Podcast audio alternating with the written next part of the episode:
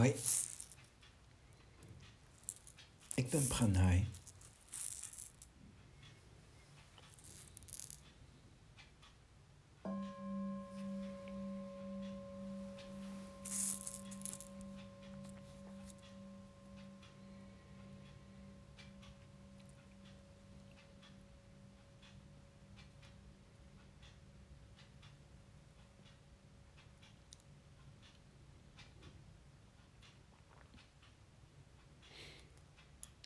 Mijn oefening is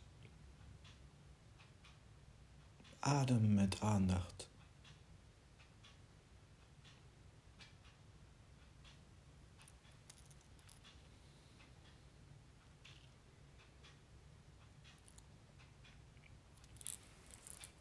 En ook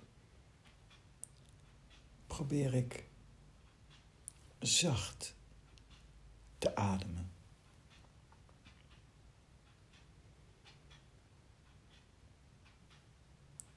Ik van het grove naar steeds subtieler.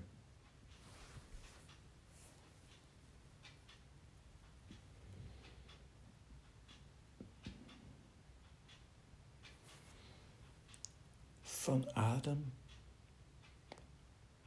naar prana.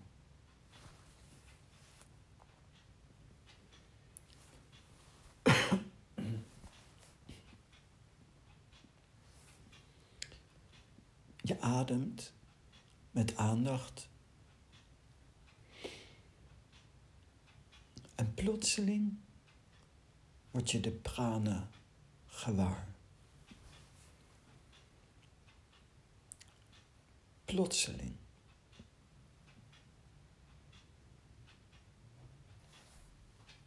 Je kunt dat niet direct forceren. Het manifesteert zich spontaan.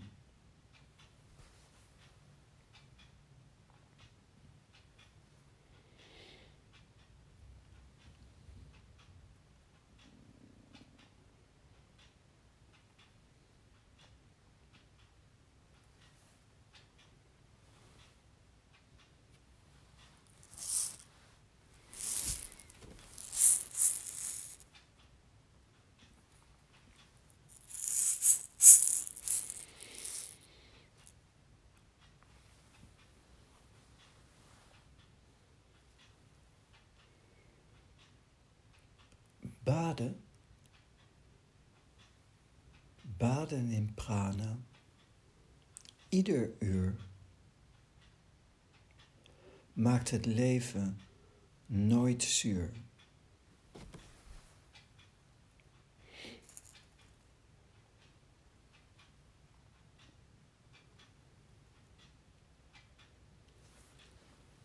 Prana is iets een energie dat stroomt, beweegt.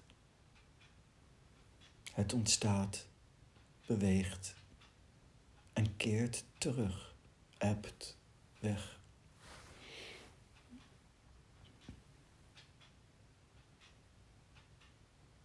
Als je stopt met bewegen, dan. Uh, wordt het leven zwaar. Iemand die gewoon loopt. Iemand die gewoon beweegt. Blijft ook veel meer in lijn met prana. Baden in prana. Ieder uur. Het is een stromend iets. Badend in prana is het leven nooit zuur. Nooit.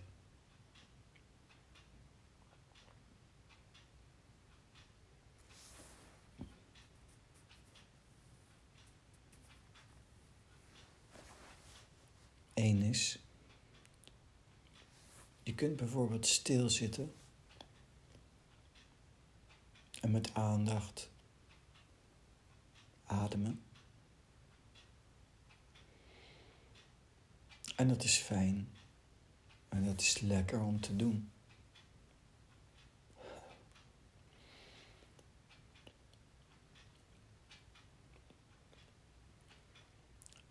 Ik, voor mij, als ik maar even de tijd heb, dan eh, doe ik dat het liefst meerdere uren per dag.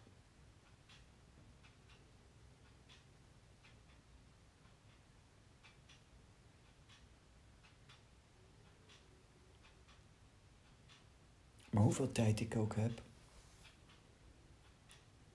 ik heb zelden tot nooit 24 uur per dag de tijd. Dus er is een ander component. En dat is de prana bewaren. Ook als je niet letterlijk stil zit om te oefenen, maar gewoon tijdens je dagelijkse bezigheden moet je de prana bewaren. In de taal spreekt men vaak over het ene bewaren. Het ene bewaren. De prana bewaren is het paradeplaatje van de taal.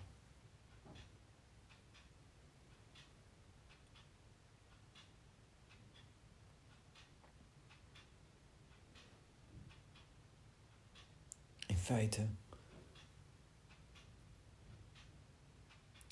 is het mindfulness, leven in aandacht. Of gewoon doen. Met aandacht de dingen doen die je moet doen. Mindful.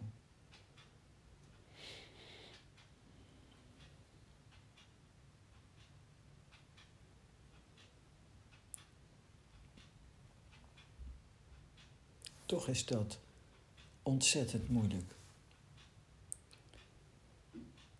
Je zult namelijk ontdekken dat als je met aandacht ademt,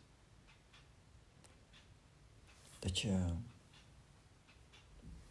in een bepaalde energie komt. En dat als je gewoon in je dagelijks leven bezig bent, dat het dikwijls gebeurt dat de bezigheid zelf, de omstandigheid waar je in zit, dingen die gebeuren, mensen met wie je spreekt.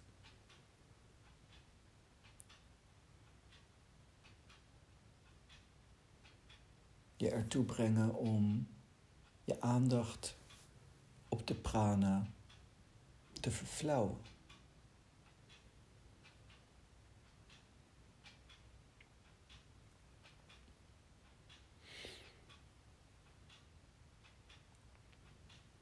Het is nog een hele kunst om prana te bewaren de hele dag door.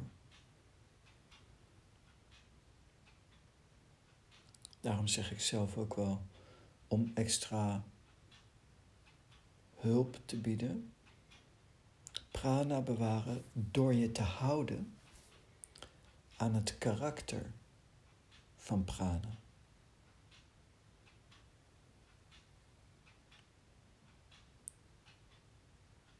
Is belangrijk, want ik zeg in het kleine gedichtje: baden in prana, ieder uur, maakt het leven nooit zuur. Ieder uur. Die is lastig. Ieder uur.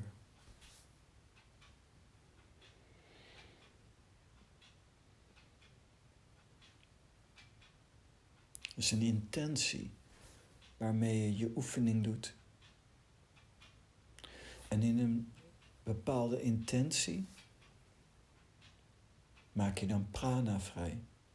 Die prana die vrijkomt, die is vrijgekomen door de manier van oefenen. En heeft dus op een bepaalde manier een karakter.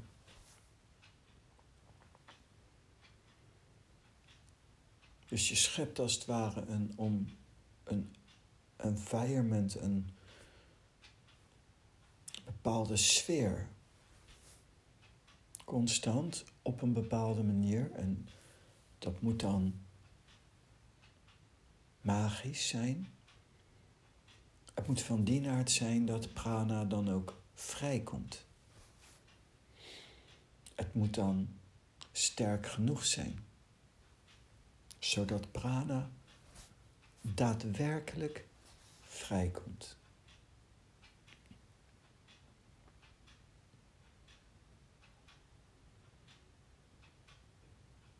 En die prana die komt dan vrij omdat je een bepaalde sfeer, bepaald iets neerzet waar prana zich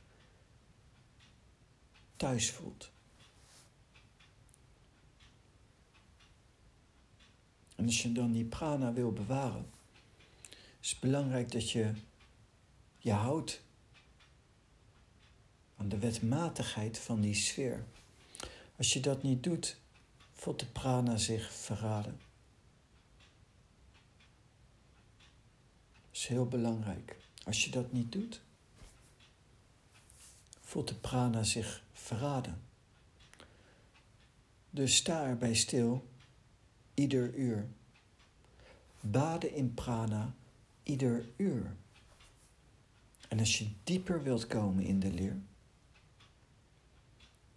is het belangrijk dat dat ieder uur is door je te houden aan het karakter van prana.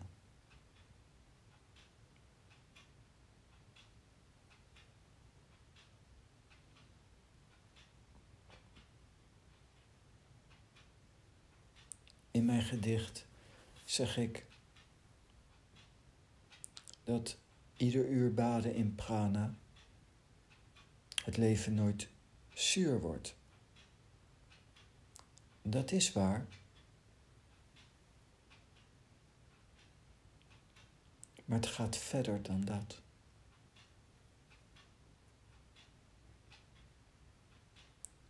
Als je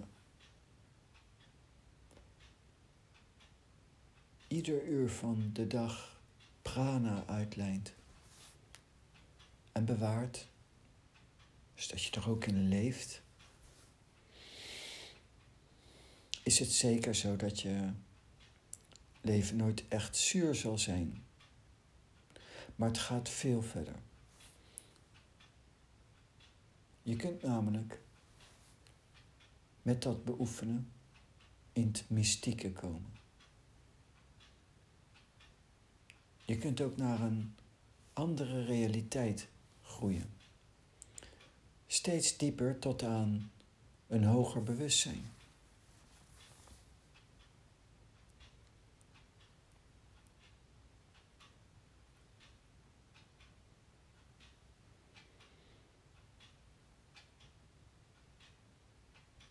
En dat is interessant.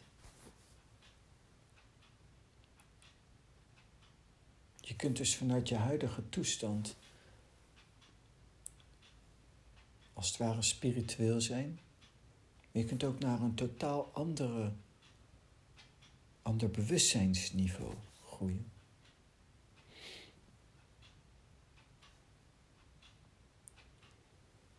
Dat kan niet op kracht. Innerlijke kracht berust niet op kracht. Dat kan niet op kracht. Dat kan alleen door je te houden. Aan de karakteristieken van je oefenen. De intentie waarmee je oefent. De intentie waarmee je prana vrijmaakt. In diezelfde intentie moet je ook buiten het directe oefenen ook blijven leven. En dat is prana bewaren. Leven in prana. In mijn gedicht baden in prana. Ieder uur.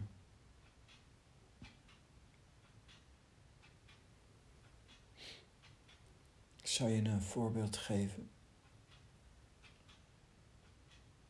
Als je regelmatig ademt met aandacht.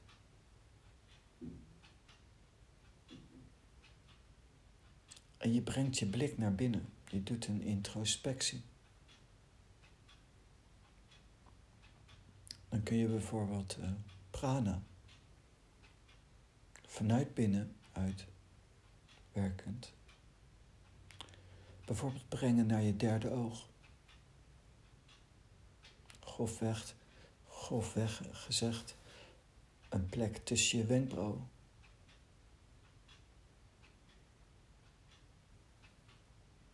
Op je voorhoofd.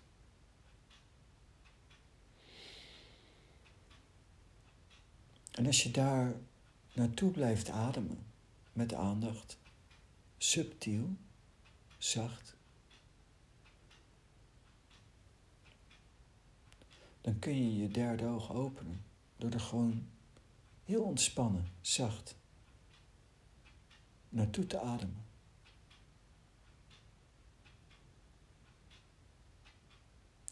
De moeilijkheid is om het constant te laten zijn.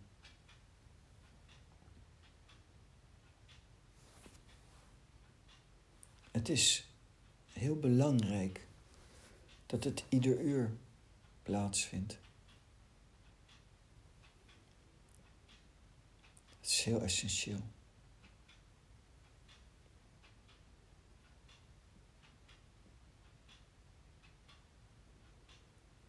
Baden in prana. Ieder uur maakt het leven nooit zuur. Maar het is ook de weg naar intensere vormen van concentratie. Yogische vormen van concentratie kun je niet doen met de kleine geest. Het is een vernauwing van de geest als je je concentreert. Een verruiming van de geest vindt plaats als het zwaartepunt van de concentratie niet ligt in de geest.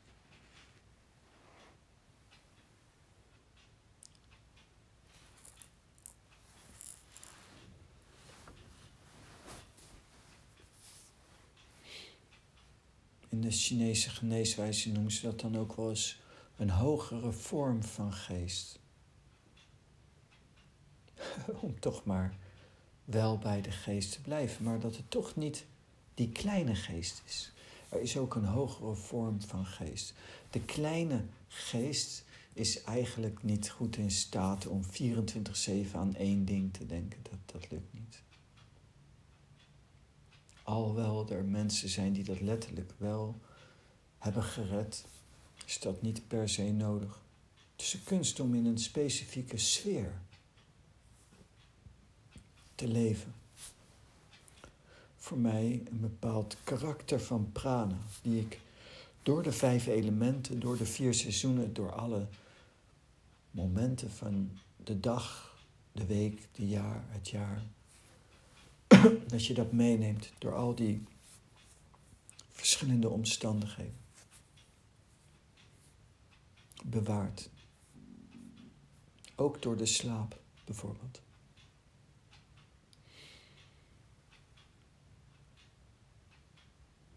Er zijn verschillende mogelijkheden van samyama. Samyama is een intensere vorm van concentreren die ervoor nodig is om goddelijke vermogens te scheppen, te kweken.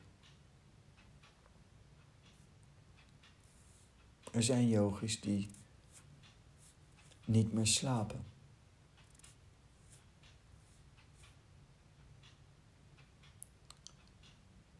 die zijn er wel, maar niet veel.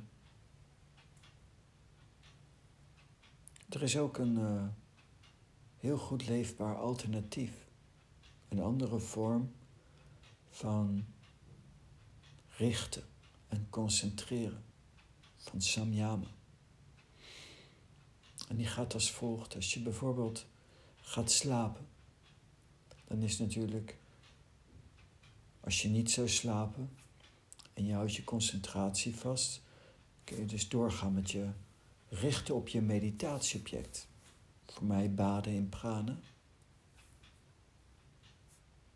Maar er is ook een mogelijkheid om, als je de hele dag leeft in prana, voordat je gaat slapen, je je richt op prana. Dan gaat in je slaap, al is die onbewust, gaat dat verder.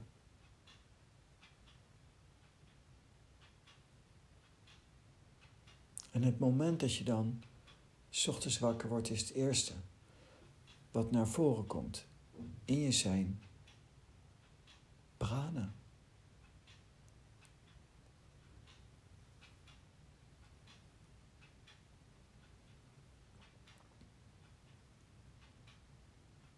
Je kunt het je ook voorstellen als je bijvoorbeeld constant een soort uh, stok in je handen moet houden. Maar dat er op een gegeven moment een uh, nauwe tunnel komt waar die stok niet in kan. Maar jij wel. Jij kan er wel doorheen. De stok kan er wel doorheen, maar dan moet je heel behendig zijn. En dan is er een andere mogelijkheid. Dat je voordat je die tunnel ingaat, dat je die stok de lucht ingooit. Richting het punt waar je uit de tunnel komt. En als je goed richt en goed gooit, met de juiste snelheid, dan ga je door die tunnel.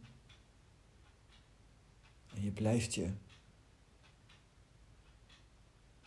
richten op de stok. En als je de tunnel uitkomt en je vangt de stok, dan is het ook goed. Dan heb je hem meegenomen, bewaard. Tijdens de tunnel. Zo'n tunnel is bijvoorbeeld als je gaat slapen, maar ook als je bijvoorbeeld wel eens periodes in je pijnlichaam komt. Of juist uh, enorm geniet van iets van de wereld dan zijn er dus mogelijkheden van het bewaren om als het ware die stok in de lucht te gooien. Maar dan moet je richten wel goed zijn. En dan moet je ergens onbewust het muil vasthouden. En dat wat voor de meeste mensen onbewust is, is ook een hogere vorm van geest. Later, als je dieper komt, in contact komt met die hogere vormen van geest, kun je ook bewust blijven in de slaap. Lao Tse noemt niet voor niets. Bestendig zijn is gelukkig zijn. Dat is zeker waar. Lao Tse is een mysticus met een grote innerlijke kracht. Maar als je innerlijke kracht nog niet groot genoeg is, blijft dat bestaan. Maar zou ik ook kunnen zeggen, naast de bestendig zijn is gelukkig zijn, behendig zijn is gelukkig zijn. Behendig. Door te weten hoe je die periodes van afleiding, onbewustzijn, slaap kunt overbruggen.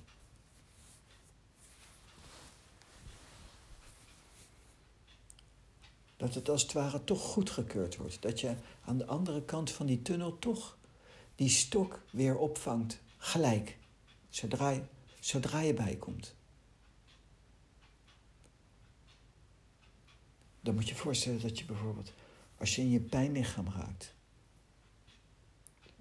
raak je het kwijt. Maar dat je beyond illusion aan de goede kant staat in je persoon op een bepaald niveau. En dat je het eigenlijk niet wilt. En dat je tegelijkertijd ergens vanuit het bezien niet kan wachten totdat je weer bij je positieve komt. Als je oprecht, oprecht genoeg bent, wordt het ook goedgekeurd. Als je oprecht genoeg bent, als je het erom gaat doen, dan werkt het niet. Als je echt wilt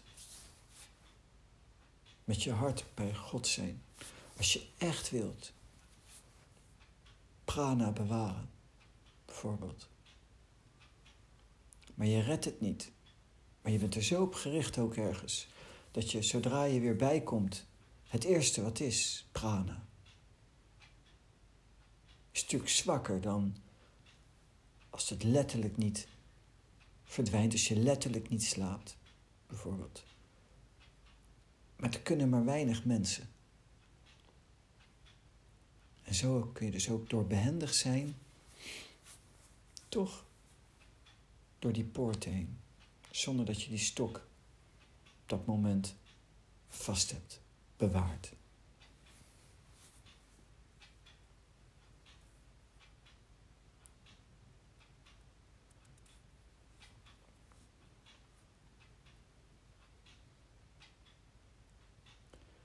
Dus het mystieke bereik je door prana te bewaren op hetzelfde karakter van je oefenen. En daar 24-7 in leven. En soms moet je een beetje behendig zijn, slim zijn. En niet alleen maar willen, met kracht die stok vasthouden. Dat lukt niet altijd. En dat geeft niet.